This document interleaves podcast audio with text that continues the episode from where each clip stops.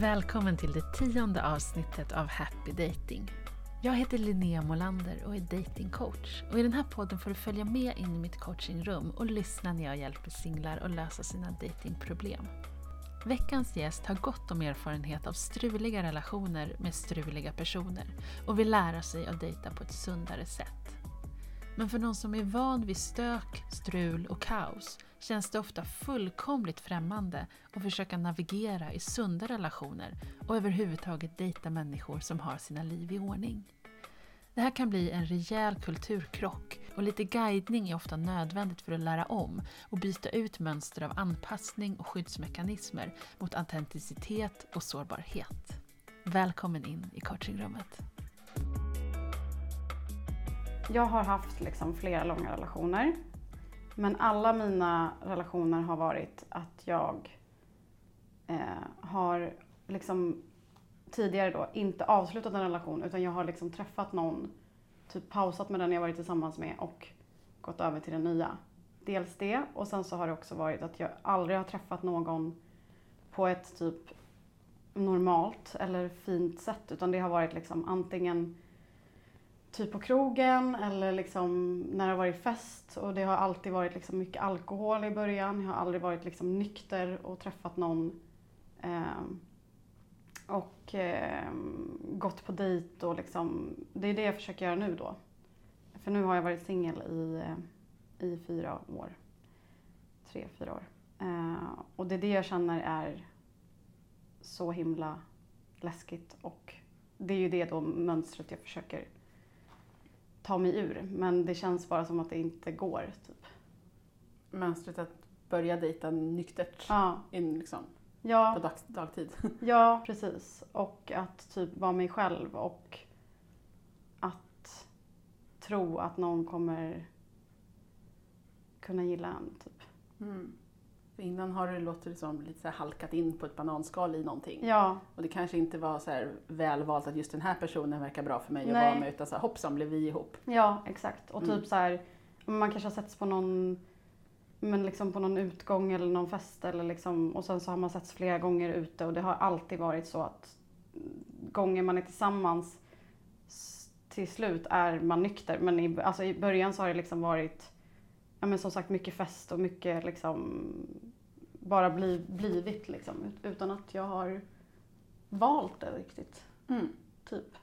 Så då har den andra personen tagit mer initiativ Ja, och du har lite grann ja. hängt på. Ja, Men någonstans har du ändå tagit ett beslut att hänga på. ja, Att inte säga nej tack, jag vill inte hångla med dig ikväll eller Ja. vi ska inte bli ihop.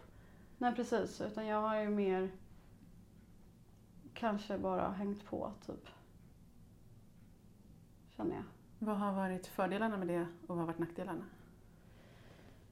Alltså fördelarna har ju varit att eh, jag eh, har väl kanske känt mig typ väldigt levande. Att så här, helt plötsligt så har det bara hänt grejer liksom nytt och det är så här med fjärilar i magen och det är roligt. Men nackdelarna är ju verkligen att jag, eh, men i några av fallen så har det varit liksom väldigt destruktiva personer eh, som jag liksom inte har byggt någon tillit till eller som inte ens har gått att bygga någon tillit till och liksom Ja men där jag inte riktigt varken känt efter eller tänkt efter utan bara typ Ja men hakat på och varit så här, ja men den här personen vill vara med mig. Typ. Mm. Du har blivit vald Ja, jag har blivit och vald. det har varit nog. Liksom. Ja, Vad, har, vad har kontakten bestått av? För du, du beskrev en brist på tillit mm, och mycket fest och så, så jag, och kickar. Och Mm. Jag föreställer mig att det blir liksom lite mer berg och dalbana än Ja. museum. Liksom. ja verkligen. Men alltså att- verkligen så. ja, och nu om du då ska dejta nyktert på dagtid Ja, så kan inte du komma där med dina partyskills för Nej. att de har inte så mycket värde längre. nej exakt. Alltså det är exakt så jag känner att typ i den i det mönstret så vet jag lite hur jag ska bete mig. Jag vet lite hur de här personerna är och funkar. Och jag vet hur jag kan anpassa mig till det. Men nu då när det kommer till att jag ska träffa så här, nu försöker jag också bryta typ av killar som jag träffar. Eh, och gå emot det jag egentligen verkligen vill ha. För det är verkligen inte det jag behöver. Eh, och då blir jag ju också så här, åh herregud, den här killen. Alltså en sån här kille har jag aldrig haft innan. Den här killen kommer verkligen inte tycka om mig. Och den här killen kanske är mycket smartare än vad jag är. Liksom. Alltså, jag kan lite se att de killarna jag har haft också har varit typ, men kanske lite underlägsna mig, har jag känt. Vad det gäller typ utbildning, jobb, så här, vad man kan och typ lite så.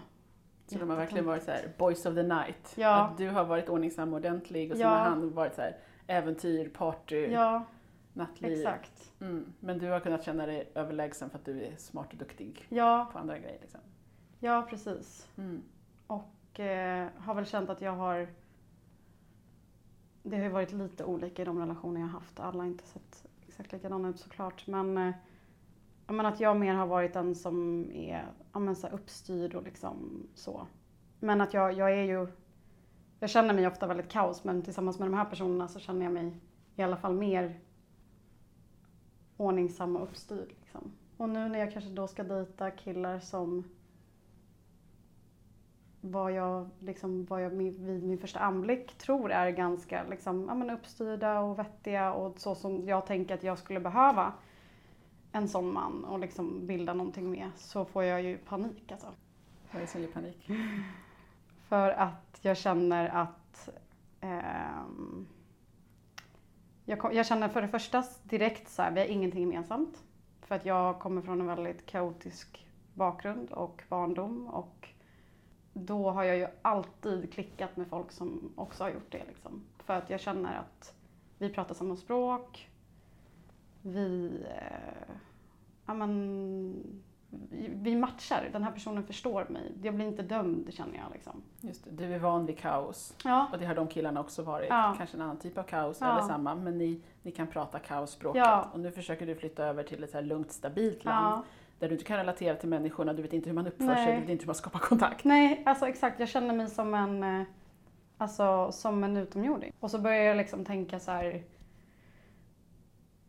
Ja, men jag ser ner väldigt mycket på mig själv och jag tänker liksom så här, vad skulle de gilla hos mig och hur ska de kunna förstå mig? Och liksom också de här frågorna som man tar på dejter. Liksom. Men vad, hur är din relation med din familj? Och, alltså jag har alltid fått sitta och ljuga liksom, i skolan och typ sådär. Och nu så ska jag försöka, för att jag läser dina texter, så ska jag försöka skapa emotionell kontakt. Men jag vill inte liksom heller bara, ja ah, här är jag och här är mitt kaos och här är den diagnosen jag har och så här såg min barndom ut.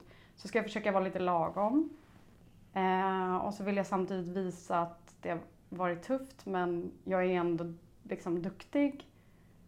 Och så blir det så här, ja men den här personen har ett jättebra jobb, jättebra utbildning, jättefin familj. Varför, varför, vad ska den här personen se hos mig? Den personen vill ha en person som är exakt som den, tänker jag. Det är intressanta tankar du har om de här killarna. Mm.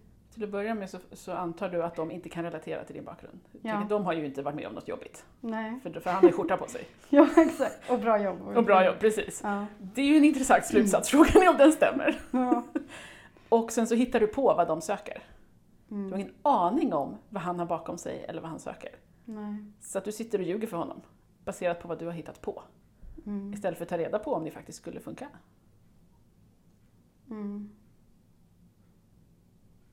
Ja, precis. Antingen så blir det så att jag har liksom ljugit. Eller så blir det så att jag kanske säger så här, någonting bara för att jag vet att det kanske är rätt. Men inte att mina känslor är med där. Utan att jag kanske säger så här. För till exempel är en fråga att jag flyttade hemifrån väldigt tidigt.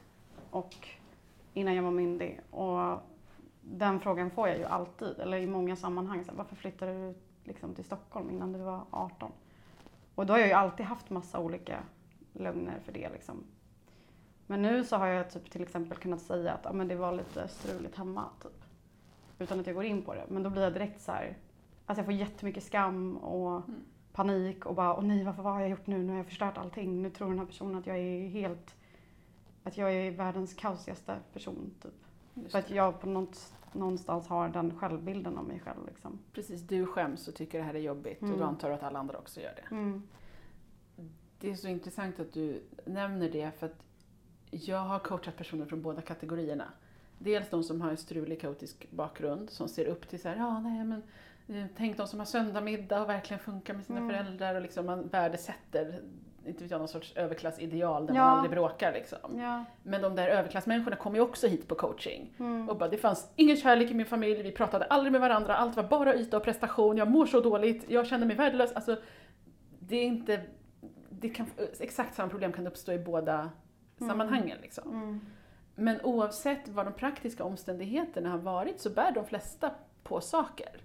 Och om vi kan släppa den här idén om att säga, det här är något skamligt som jag måste dölja för annars kommer jag bli dömd och Mm. istället se det som det här är någonting som jag kan skapa kontakt genom. Ja. Om du berättar att du hade det stökigt och så frågar du den andra personen, har du varit med om någonting i ditt liv som något, så här, något hinder du behövde överkomma eller någon jobbig situation som du verkligen behövde liksom, anstränga dig för att överleva eller ta dig igenom?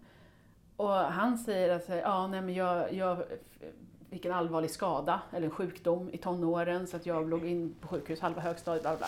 Vips, vad det nu än är. Så har ni någonting att prata om, så jaha, har du också varit med om jobbiga saker? Jag med. Hur, hur hanterade du de här känslorna? Eller hur, hur tog du dig över det här? Hur gjorde du när dina kompisar inte kunde förstå dig? Mm. Och så har ni ett djup som ni Mm. inte kan ha om ni ska hålla er på den här trevliga, artiga nivån där ingen någonsin har varit med om något jobbigt. Mm. Ja, jag förstår precis vad du menar. Samtidigt som det känns som så här, ibland kan jag också typ prata med mina vänner om det så här, att för nu har jag ju, det är ju så typiskt mig att kontrollera saker liksom. Att nu ska jag då kontrollera från att ha gått att ljugit om min bakgrund till att säga lite grann för att skapa emotionell kontakt. Men jag vill inte heller bara, som jag, alltså så här, du vet, ja men vräka ur mig för det kanske kan ju också bli väldigt fel Ja. om man gör det. Det har jag ju gjort kanske mycket med de här kaoskillarna. Onykter liksom. Mm. Eh, men det känns också som att typ jag förstår ibland så undrar jag om jag inte förstår och då kan jag bli så här, är det för att jag kommer från den här familjen? Att jag inte förstår de här sociala, så här, vilken dejt kan man prata om det? Alltså så här, hur mycket kan man säga? Alltså jag blir så himla osäker så att jag vill bara veta exakt typ vad jag ska säga i vilken sekund liksom. Så du kanske kan följa med nästa Lite kontrollbehov där alltså. Ja, Jag vill veta grann. exakt vad jag ska säga, vilken sekund för att bli omtyckt. Okej.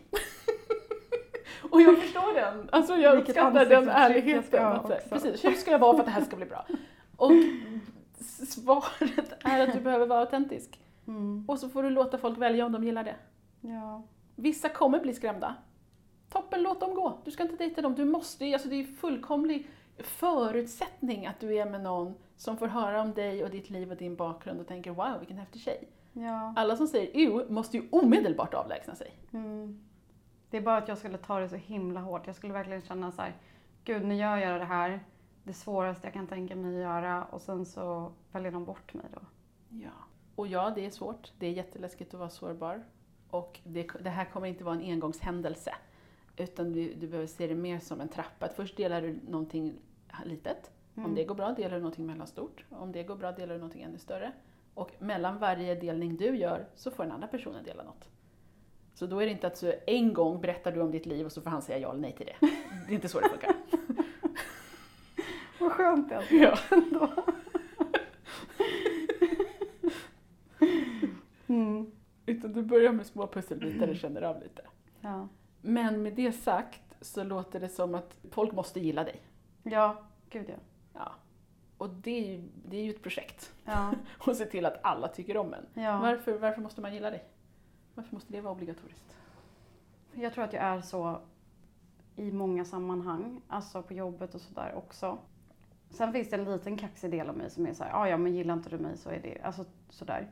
Men just när det gäller det här med män och dating och det så, alltså jag kan inte ens, du vet, känna efter typ hur det känns när jag har nu varit på dejt några gånger. Utan jag är så himla stressad för att jag vill så himla gärna att det ska kännas bra och lättsamt och vara jätteostelt för att personen sen ska säga att, typ så här, alltså ge mig ett kvitto på att, ja men, du klarade det här, att gå på dejt på det här sättet liksom. Mm. Så att allt det ligger i betraktarens öga eller vad man ska säga. Det hänger ingenting på hur jag känner. Så jag är inte överhuvudtaget närvarande heller utan jag, jag sitter ju bara och tänker så här, ja men nu ska det här genomföras liksom.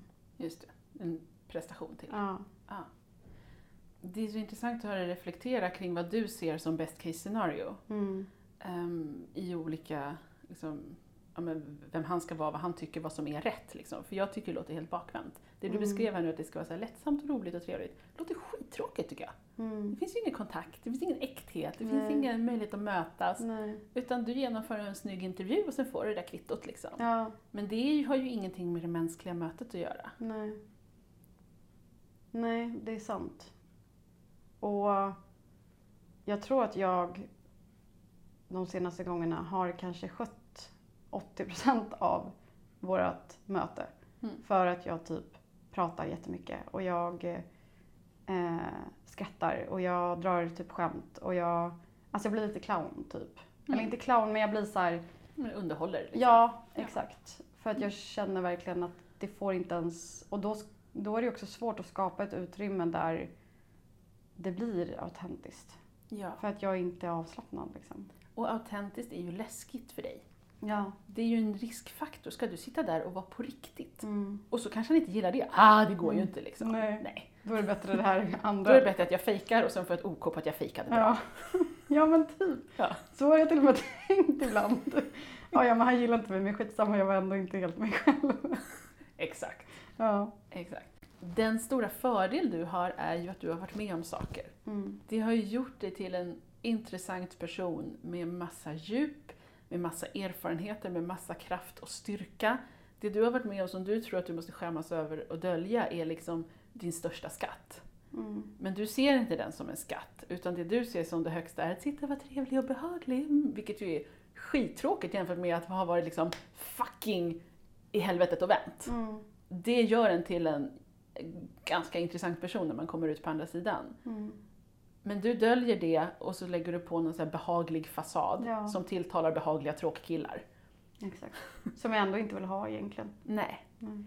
Så det jag blir lite nyfiken på är om vi kan kombinera de här två världarna på något sätt. Mm. Att du kan vara med män som också har varit med om saker och kan Mm. relatera till det, men utan att vara 100% strulputte. Ja. Utan de har varit med om jobbiga saker men sen styrt upp sina liv så att Ja. de fortfarande har en skjorta på sig och bra jobb. Ja. Men att det finns ett emotionellt djup, en kontakt och en förståelse men utan att hela livet är kaos. ja. Gud vad skönt att du säger det. För att ibland när jag pratar med mina kompisar om det här så, så är, för jag är så här, du vet. Jag bara, nej men skitsamma, jag- det är lika bra att jag börjar dejta typ eh, med någon strulkille igen liksom. Eller så här, någon kaossnubbe. För att det är precis det jag vill. Varje gång jag har typ gått på dejt eller försökt närma mig och det blir konstigt så blir jag så här, åh gud jag vill bara liksom tillbaka till det där. Precis. Eh, typ en trygg famn, fast det verkligen inte är så. Jag vet ju det. Men då, är, då har mina vänner ofta sagt så här, ja men det är precis tvärtom. Du behöver någon som har varit liksom lugnet och typ så här.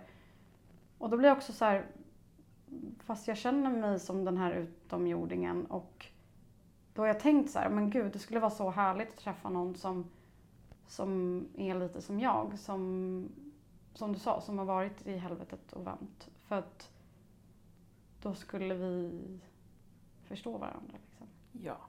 Var hittar jag dem då? Precis, hur tar man reda på vem som har liknande erfarenheter? Ja. Och det är ju genom att prata om de här grejerna och se vem som kan relatera. Mm.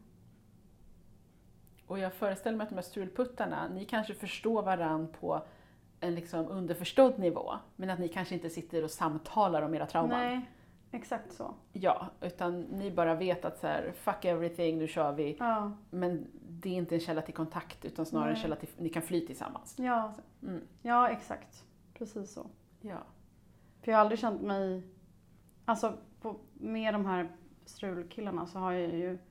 Alltså jag har typ känt att i och med att det varit kaos så har också mina kaossidor kommit fram. Att jag kanske, du vet så här, ja men har blivit... Alltså att man triggar varandra så mycket så att man blir, eh, ja men man blir instabil liksom. Mm. Och när jag visat min instabila sida så har ju de killarna kanske nästan tyckt om det. Vilket är de sidorna jag skäms för och tänker att en svennebanan kostymkille skulle ju bara, åh herregud vad är det här för, för psy- psykotjej liksom. Men de sidorna har jag ju inte bara, eller verkligen inte. De är ju snarare sådana jag har bearbetat bort liksom. Precis, för du har ju bearbetat din skit. Ja. Och du sitter ju, alltså jag hade ju, det syns ju inte på dig att du kommer från kaos. Nej.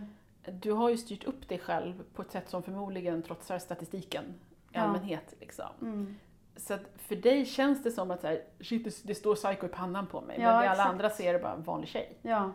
Ehm, Men du är så rädd för den där psykostämpeln att Mm. även om du har, liksom, du har verkligen städat i ryggsäcken och allting ligger väl paketerat där, Ja. liksom, väl vikt och det är, det är inget hemskt monster som kommer dyka upp utan du har snarare förvandlat det till en, till en styrka. Ja. Eh, Att du förstår dig själv, att du har empati med andra människor. Mm. Eh, Att du inte är en sån här tråkig person som bara "Ew", när någon säger att något har varit jobbigt utan Nej. faktiskt bara kan relatera till det, du kan stötta andra. Mm. Alltså det är en enorm kraft och liksom bara magi som du har i din ryggsäck som inte alla människor har. Nej. Och du kommer känna den kontakt du har känt med strulputtarna när du möter någon annan som också har städat sin ryggsäck. Mm. Men strulputtarna har ju inte gjort det. Nej. Men du har också den här välartade sidan. Att du, du är, det är ordning på dig, du har styrt upp ditt liv, du Mm. kommer i tid, Mm. du lever ett liksom välordnat liv. Ja. Så eftersom du har båda sidorna, ett kaos som du har omvandlat till magi och ordning och reda, så är det ganska rimligt att du även dejtar någon som har det. Mm. Och för att du ska kunna hitta sådana personer och matcha dem så måste du visa, det här är jag, så här ser Mm. min pusselbit ut. Jag skulle vilja dejta någon som matchar det. Menar du typ då att jag redan skulle, vi säger, nu går jag in på detalj, men typ om jag har en Tinder-profil. Mm. Menar du då att man redan skulle skriva någonting om det där? Typ? Det kan man göra. Mm. Det måste ju framgå på något sätt att du inte bara är en sån här vanlig behaglig tjej som åkt räkmacka hela livet. Men du måste kanske inte skriva trauma och kaos. Men du, det, att du har ett djup och livserfarenheter bör framgå. Ja. Okej. Och på samma sätt som att du och de här kaoskillarna förstod varandra underförstått utan att det var helt uttalat, så kan du hinta om det så att andra som har välpackad ryggsäck också förstår. Mm. Att om du jag, nämner att du flyttade hemifrån till en annan stad i tonåren, vissa kommer bara ”jaha, det var konstigt” och andra bara ”mm, jag fattar”. Ja, Mm. det är sant. För skulle jag läsa en sån biografi så skulle jag ju förstå att det var någonting som inte, eller som liksom inte var bra då. Liksom. Precis. Mm. Det finns fortfarande en tendens att kaos känns mer bekant för dig än ordning och reda på Mm. många sätt. Mm. Eh, Men det låter som att du behöver skifta din självbild Ja. ordentligt från hon som hade det så himla jobbigt där allt var stökigt hela tiden till hon Mm. som överkom allt det där jobbiga och Ja. nu faktiskt tog tag i sitt liv. Ja. ja, verkligen. För att det som du beskriver har jag ju fått höra några gånger. Typ så här, shit, ja, men du vet att man nästan ser upp till en. Eller att folk bara, men gud, vet du hur mycket du har, har klarat av och har liksom ändå lyckats plugga och du vet sådär. Och då kan det finnas stunder där jag känner mig så här, shit vad grym jag är liksom. Men det är så extremt små stunder så oftast så är det liksom att som du säger att om jag sitter på en dejt, det hände senast för några dagar sedan. Och jag då nämner, för att jag tänker att jag i min, liksom, ja men, i min rationella hjärna tänker att jag ska säga någonting om att det inte varit perfekt och säger så här, ja men jag flyttade hemifrån när jag var 17 för att det var struligt. Då känner jag bara, okej shit nu står det liksom psyko i min panna. Jag har, och, så, och sen också i det här fallet så har jag mycket mindre, alltså den här personen har mycket högre ekonomi, har liksom mycket mer utbildning, eh, har liksom fin bil, alltså du vet sådana där grejer. Och jag bara känner så här, varenda grej, jag bara okej under, under, under och så skulle han skjutsa hem mig.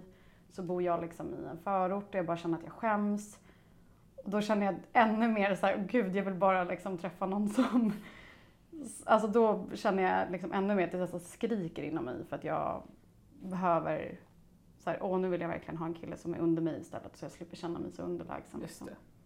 Mm. Så du kan känna dig trygg Ja, och lite bättre. ja. Ja, och det är ju helt rimligt att du känner så. Mm. Det är bara orimligt att du tror att han är bättre än du för att han har en snygg bil. Ja.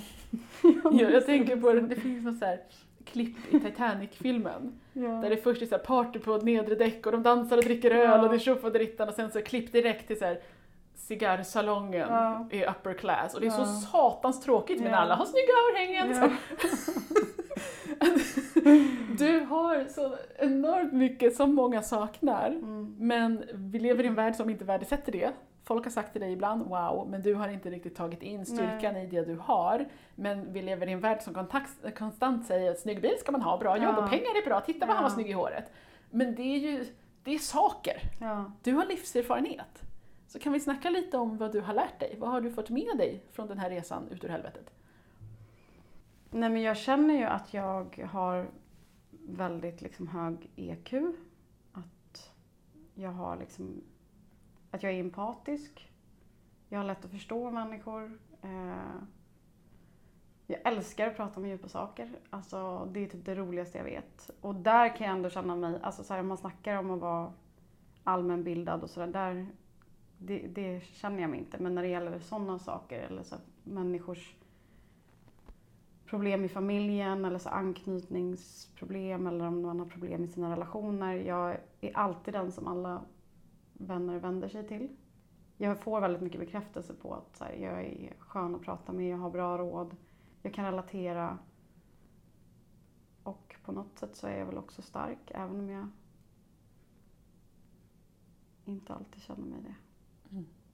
Man blir ju trött av att vara stark länge. Ja, Och då känner man sig svag för att man är trött. ja, Mm. exakt. Jag har ju blivit väldigt övergiven när jag var liten, liksom, av de som verkligen inte ska överge en. Mm. Så det är nog det jag kämpar väldigt mycket för nu, att aldrig bli övergiven. Just det. Och då sätter jag mig inte ens i en kontext där jag typ kan bli övergiven. Nej. Och de, de sätt du har för att undvika att bli övergiven, att vara duktig och behaglig, är ju inte det som skapar trygga relationer. Nej. Men allt som du just beskrev, din höga EQ, din förmåga att verkligen förstå människor, ditt intresse för att ha djupa samtal om stora ämnen, det är ju en enorm styrka när det kommer till nära relationer. Men det får inte de du dejtar se. Nej. Och om vi jämför den här enorma relationskompetensen du har med en snygg bil, Mm. vad är liksom bästa flickvänskillen liksom? Ja, den där bilden ska jag bära med mig i huvudet. Det var faktiskt en bra jämförelse. Han har pengar men du vet hur man har relationer. Ja, men faktiskt. Man glömmer bort det där. Mm. För allt det du beskrev är enorma resurser som, du har, som har kostat dig dyrt att lära dig. Mm. Som gör att du har förmågan att ha fantastiska relationer. Men så fort du blir rädd för att bli bortvald så bara stänger du hela den sidan av dig själv. Ja, Och så blir det någon sorts trevlig liten låtsasfröken istället. ja. Och det gör ju att folk går. Det enda som stannar är ju helt fel personer. Alltså jag får nästan som panik. Alltså det, det blir så här, åh gud nu är det så jobbigt och jag måste liksom vara normal nu och eh, snart ska vi, och nu, nu måste jag säga det här för att det ska bli roligt och du vet. Och så blir det fel hur jag än gör liksom. Ja, Ja, för du kan ju inte ha de här djupa, innerliga, emotionella samtalen med någon kavajkille som bara har pengar. nej, Han kan ju inte möta dig i det. nej. Det finns säkert vissa som kan det. Men, men om du attraherar män genom att låtsas vara tråkigare än Ja. du är, så kommer du attrahera killar som också, som också är tråkigare än du är och som gillar att du är tråkig. Mm. För att de tror det. Och sen om du är tre månader in bara “by the way, här är mitt riktiga jag”, de kommer bara “ah, vad är det här för något? Det här var inte vad jag signade upp på”. Men om du däremot visar den sidan av dig själv från början Mm. så kommer ju alla killar där ute som bara “åh, jag vill inte ha någon tråkig tjej som bara pratar om läppglans, jag vill kunna prata om livet och dödet och vara ihop med någon som också har varit med om något”. Liksom. Mm. Alltså när du beskriver det så känns det så här, ja men gud, det är ju precis så här jag borde göra liksom. Och så känner jag bara så här, gud det känns så otroligt läskigt och just att, ja men lite så här,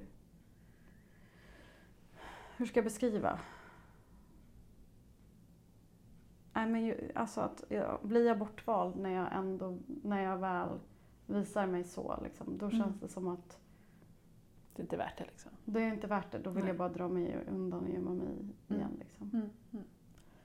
Och jag förstår helt den invändningen nu när vi pratar om det i teorin. Min gissning och det jag vill ta reda på är om det faktiskt stämmer. För tänk om det är så att du öppnar dig för någon som också öppnar sig tillbaka. Det visar sig att ni matchar varandra Mm. och att du känner kontakt istället för skam. Men om du aldrig har varit med om att någon har sagt Wow, tack för att du delade det här med mig. Vad häftigt det är att få höra Mm. din, liksom, din bakgrund. Jag har liknande erfarenheter. Är det okej om jag delar dem med dig? Mm. Och så möts ni kring det på riktigt. Men om du inte har varit med om det så är det jättesvårt att föreställa sig. Mm. Ja. Och det jag föreslår är inte att du ska bara gå all in och blurta ut allting och hoppas att den andra personen matchar och förstår. Utan du måste göra det här i pyttesmå steg. Ja. För om du är, öppnar dig lite, upplever lite kontakt en gång, ja, men Mm. det var okej. Kanske du kan tänka dig att göra det en gång till med lite större steg. Och lite större och lite större. Ja. Och du behöver inte ens börja med att göra detta på dejter. Du kan börja med dina vänner, eller med främlingar, eller på jobbet. Men det var som, nu kommer jag in på ett exempel här. Det, eller det här är väldigt, väldigt återkommande. Det är väldigt vanligt att folk berättar saker för mig. Du vet, svåra saker. Och jag märker, det hände senast igår, jag märker ofta att shit, den här personen har burit på det här jättelänge. Och verkligen anförtror sig till mig. Och det kan vara på jobbet liksom. Och, du vet. och just igår så var det på jobbet. Och jag märkte att den här personen hade längtat efter att få prata om det här. Och det blev så stort, men att jag tror också, för det är det, jag är så extremt inkännande. På ett jätte, och det är det, min inkännande sida är så jobbig när jag träffar män. Liksom. För att jag blir så här, vad känner han, vad tänker han? Du, du, du, du, du vet så här. Men jag märkte också på den här kollegan igår att hon nästan blev obekväm efter att hon hade berättat för mig. Liksom. Och då skulle jag vara där och ta hand om det. Så här. Och jag bara, men och hon sa inte ens att hon var obekväm. Utan hon sa, och jag bara, jag bara typ såg det i hennes blick, trodde jag. Så jag, då håller jag på att städa upp, eller liksom hjälper henne där. Mm. Och det är det, att ska jag då dela med mig om något, det är det jag också är rädd för. Att när jag, jag delar med mig om någonting som är jobbigt och så ska den andra personen bli obekväm eller typ inte veta och så blir jag jätteobekväm och så ska jag ordna upp liksom det där för två personer. Exakt. Det första jag vill fråga där är om du typ dömer dem och går då. Nej, verkligen inte. För det är det du tror att folk kommer göra mot dig. Mm. Men det du istället har erfarenhet är att deras problem blir dina problem. Exakt. Och det är kletigt på ett helt annat sätt. Ja. Ja. Så då är ju frågan om, om du kan vara inkännande och låta folk ha problem. Mm. ja. Hon kan känna en jobbig känsla, det är okej. Du kan känna en jobbig känsla, det är okej. Du Mm. måste inte fixa det. Nej. Men det är som att det lägger sig som en blöt handduk på mig. Ja, för att du, om du är van vid dysfunktionella eh, relationer så är du van vid att du måste ta hand om alla hela Ja, tiden för ja. annars kommer du dö. Ja. Och så är det inte längre lyckligtvis. Nej. Utan du kommer inte dö Nej. av att en kille på en dejt är obekväm. Han får vara det. Mm. Nu ser jag hå- hånfull ut. Var det jag är bara glad över. Det är helt okej. Ja. Det, är- det är okej om det blir dålig stämning. Mm. Det är okej om ni inte matchar varandra. Jag ser hånfull ut. Nej, ska... Men typ rätt åt honom liksom om han... Jaha, mot honom. Du kände Ja. att jag hånade dig? Nej, nej, Nej, nej. jag mot honom menar jag. Nej. Ja. Nej, utan det är bara, du ger människor frihet att vara människor. Mm. För just nu så ska du se till att alla är glada och alla tycker om dig. Hö, jävla kontrollerande liksom. Mm. Tänk om de kan få vara ledsna ibland och få välja själva vad de har för känsla. Ja. Vilken frihet för dem och vilken frihet för dig. Mm.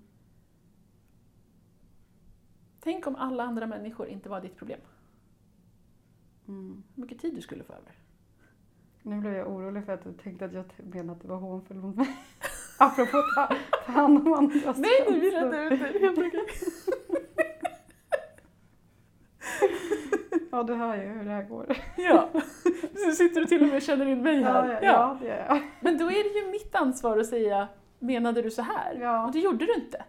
Nej. Jag missförstod och så frågade jag och så redde vi ut det och så Ja. är det bra. Ja. Ja. Du är inte arg på mig nu då? Inte det minsta. Nej. Nej men så där håller jag, alltså, alltså det här var lite komiskt att det hände, för så där håller jag på också hela tiden. Ja. Och liksom tror att folk känner saker. Och kan jag få ansvar för hur jag känner? Mm. Kan jag få ta det ansvaret? Om jag känner någonting, då är det min uppgift att uttrycka det. Ja. Menade du så här? Mm. Nej, det gjorde jag inte. Okej. Mm. Det är inte din uppgift att gissa om jag missförstod och sen Nej. anpassa dig till det. Nej. Nej. Det gör jag väldigt mycket. Ja, och märker du att dina gissningar är lite enkelspåriga? Ja. Du har en idé om vad folk gillar och vad folk tycker när de blir förnärmade. Som inte nödvändigtvis stämmer. Mm. Och de idéerna antar jag bygger på vad de där jobbiga människorna i din barndom krävde av dig. Ja. Och de var knäppjökar, så då de, eller vad vi ska kalla dem, de var inte en sund måttstock över hur man ska bete sig för att bli omtyckt. Nej, så det är det. Jag går omkring väldigt mycket och gissar och antar och ibland så frågar jag. för att jag inte står ut med att typ, ja, men kanske, nu kanske personen går hem och är arg på mig eller Mm. och ibland så säger jag ingenting och så kan jag älta det i flera timmar. Liksom. Mm. Och då, för att dra det till en parallell till en dejt, så är det ju ännu värre när det är någon man inte har träffat innan. Mm. Så ska man sitta och läsa av. Alltså det, ja. Så kan vi ge honom ansvaret för att visa vad han vill och vem han är och vad han tycker och känner. Mm. Det är inte din uppgift att gissa, han måste Mm. visa. Och vad blir då din uppgift? Nej men nu när du sa sådär så där tänker jag det är ju helt orimligt när jag tänker att det borde vara någon annans uppgift att gissa. När jag ser på det utifrån liksom. Mm. Men för mig är det så självklart men jag inte sett på det objektivt. Vad blir min uppgift? Att ta hand om mina egna känslor kanske? Nu försöker jag säga det jag tror att du vill höra. Just det, försöker svara rätt här. Okej, om jag sammanfattar. Hans uppgift är att visa för dig vem han är, Mm. vad han tycker och vad han känner. Mm. Din uppgift är att visa för honom vem du är, vad du tycker och vad du känner. Ja. Att jag inte behöver ändra mig efter hur den andra personen är, för det är också väldigt vanligt. Precis. Du är van vid att du måste vara på ett visst sätt för att bli omtyckt. Ja, Och sen har du tagit med dig de strategierna ut i vuxenvärlden. ja gud. Vilket bara tilltalar människor som gillar det. Mm. Men du kan inte föreställa dig något så konstigt som att folk skulle gilla den du faktiskt är. Nej, exakt. För det verkar jättebakvänt. Så att alla som faktiskt skulle göra det, de har inte en chans att dejta dig. För att de fattar ju inte att du är vad de vill ha. Nej. Nej, för jag anpassar mig lite till mottagaren och känner av vad den tycker och tänker och liksom så. Eller vad du tror och har hittat Ja, på att de tycker och tänker. Ja. Du har ingen aning om vad folk tycker och tänker. Nej. Du är, du är för all del skicklig på att känna in, men du kan inte läsa tankar. Nej. Och du är framförallt skicklig på att känna in dysfunktionella personer som beter sig illa Mm. och strulputtar. Ja. Men du vet inte vad de här välordnade killarna med sin shit together, du har ingen aning om vad de har för preferenser. Du Nej. kommer bli helt chockad. Ja.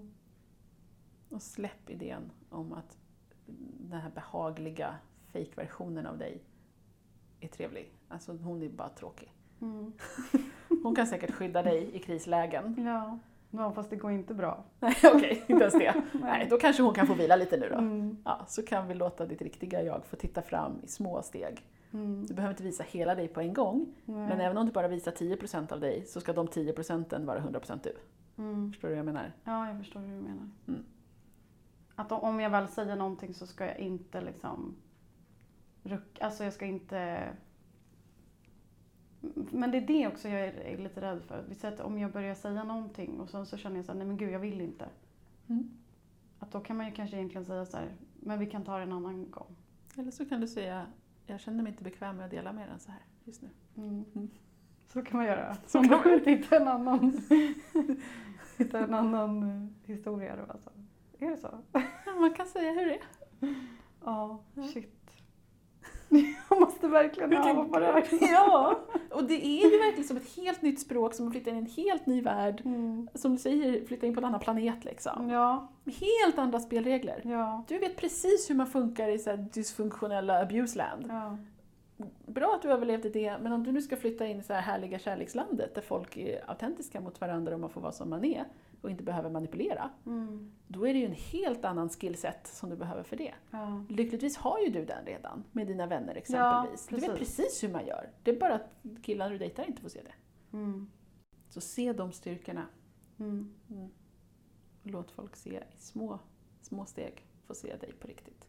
För du kommer bli chockad över hur populärt det är. Och nej, alla kommer inte gilla dig, men det betyder inte att du är dålig, säger ingenting om dig. Nej, Det säger bara att ni matchar inte varandra. Nej. Alla har inte en lika välstädad ryggsäck som du och då kommer ni inte vara en match. Då kommer de... Liksom, Och egentligen lika bra att veta det från början och om man tänker ur skydds, alltså perspektiv från att jag vill skydda mig så är det ju egentligen bättre om någon redan vet lite, no, alltså, eller så här, någonting innan man tar sig ut och träffar den personen. Absolut. För att det blir ju ändå en ännu större risk. Liksom. Ja, lura inte folk. Nej. Så att du bara kommer och går på dejt, jag är vanlig och trevlig och sen så bara shit hon har levt, hjälp! Panik. Panik. Skräm bort dem direkt och gör det med flit. Se det verkligen som att du vill skrämma bort. Mm. Alltså ja, för jag, det känns ju bättre än att jag känner att nu kommer folk att överge mig här nu Exakt. på rad. jag säger det här för att se vem som kan deala med det. Ja. Ja. Sorry du, du är underkänd. Ja, Ja, då har du makten. men så är skönt och det där ska jag skriva ner. Mm. För att faktiskt, istället för att tänka, ja men nu matchar, nu matchar inte han tillbaka för han tycker att jag är psycho. Precis, det är bäst att jag förändrar min personlighet så Ja, han nu gillar mig. ändrar jag min text igen. ja, men precis. Ja, Se din styrka, det du faktiskt har fått med dig från det här. ja. Börja dela det med människor som kan förvalta det. Du Mm. delar det för att ta reda på vem som matchar och förvaltar det. ja. Och hitta en balans. Nu blir jag sådär arg igen för jag tänker så här att fan om jag hade träffat en kille som hade ordnat upp sitt liv och hade haft det jobbigt så hade jag verkligen tyckt att det var attraktivt. Eller hur? Mm. Och det är attraktivt hos dig också. Mm. Mm. Du kan inte köra specialregler för dig själv. Jo. du konstaterade just att det här är attraktivt. Då får du stå för det. Fan, kan du klippa bort det där? Jag tycker det är en perfekt slutsats. Och använd det. Se Mm. dig själv i, liksom, om det här hade varit någon annan, vad hade jag tänkt om den personen då? Ja, ja men precis. Hela tiden vända. Mm. Det ska jag göra. Bra. Vi dras inte till det vi vill ha när vi dejtar, utan vi dras till det vi känner igen. Det är så anknytning fungerar. Det här innebär att om du växte upp i en trygg och kärleksfull miljö så kommer det vara naturligt och självklart för dig att ha trygga, sunda och kärleksfulla relationer även som vuxen. Men om du växte upp i en miljö som av någon anledning var kaotisk och dysfunktionell kommer du istället dras till personer och relationer som påminner om det. I alla fall tills du bryter mönstret. Det kommer också göra dig till en mästare på anpassning eftersom det krävdes av dig när du växte upp. Men när du dejtar som vuxen går det inte ut på att ändra på dig själv tills du blir omtyckt. Utan på att vara så mycket du som möjligt för att ta reda på vem du faktiskt passar ihop med. Och tänker du nu att jag har ju inte växt upp i kaos, varför anpassar jag mig så mycket ändå?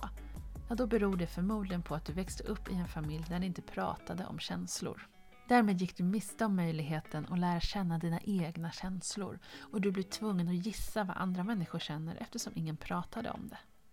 Vill du förstå hur de sociala koderna i din familj påverkade vem du tror att du måste vara för att få kärlek idag och en gång för alla bli fri från anpassning, då ska du läsa min bok Dating börjar med dig.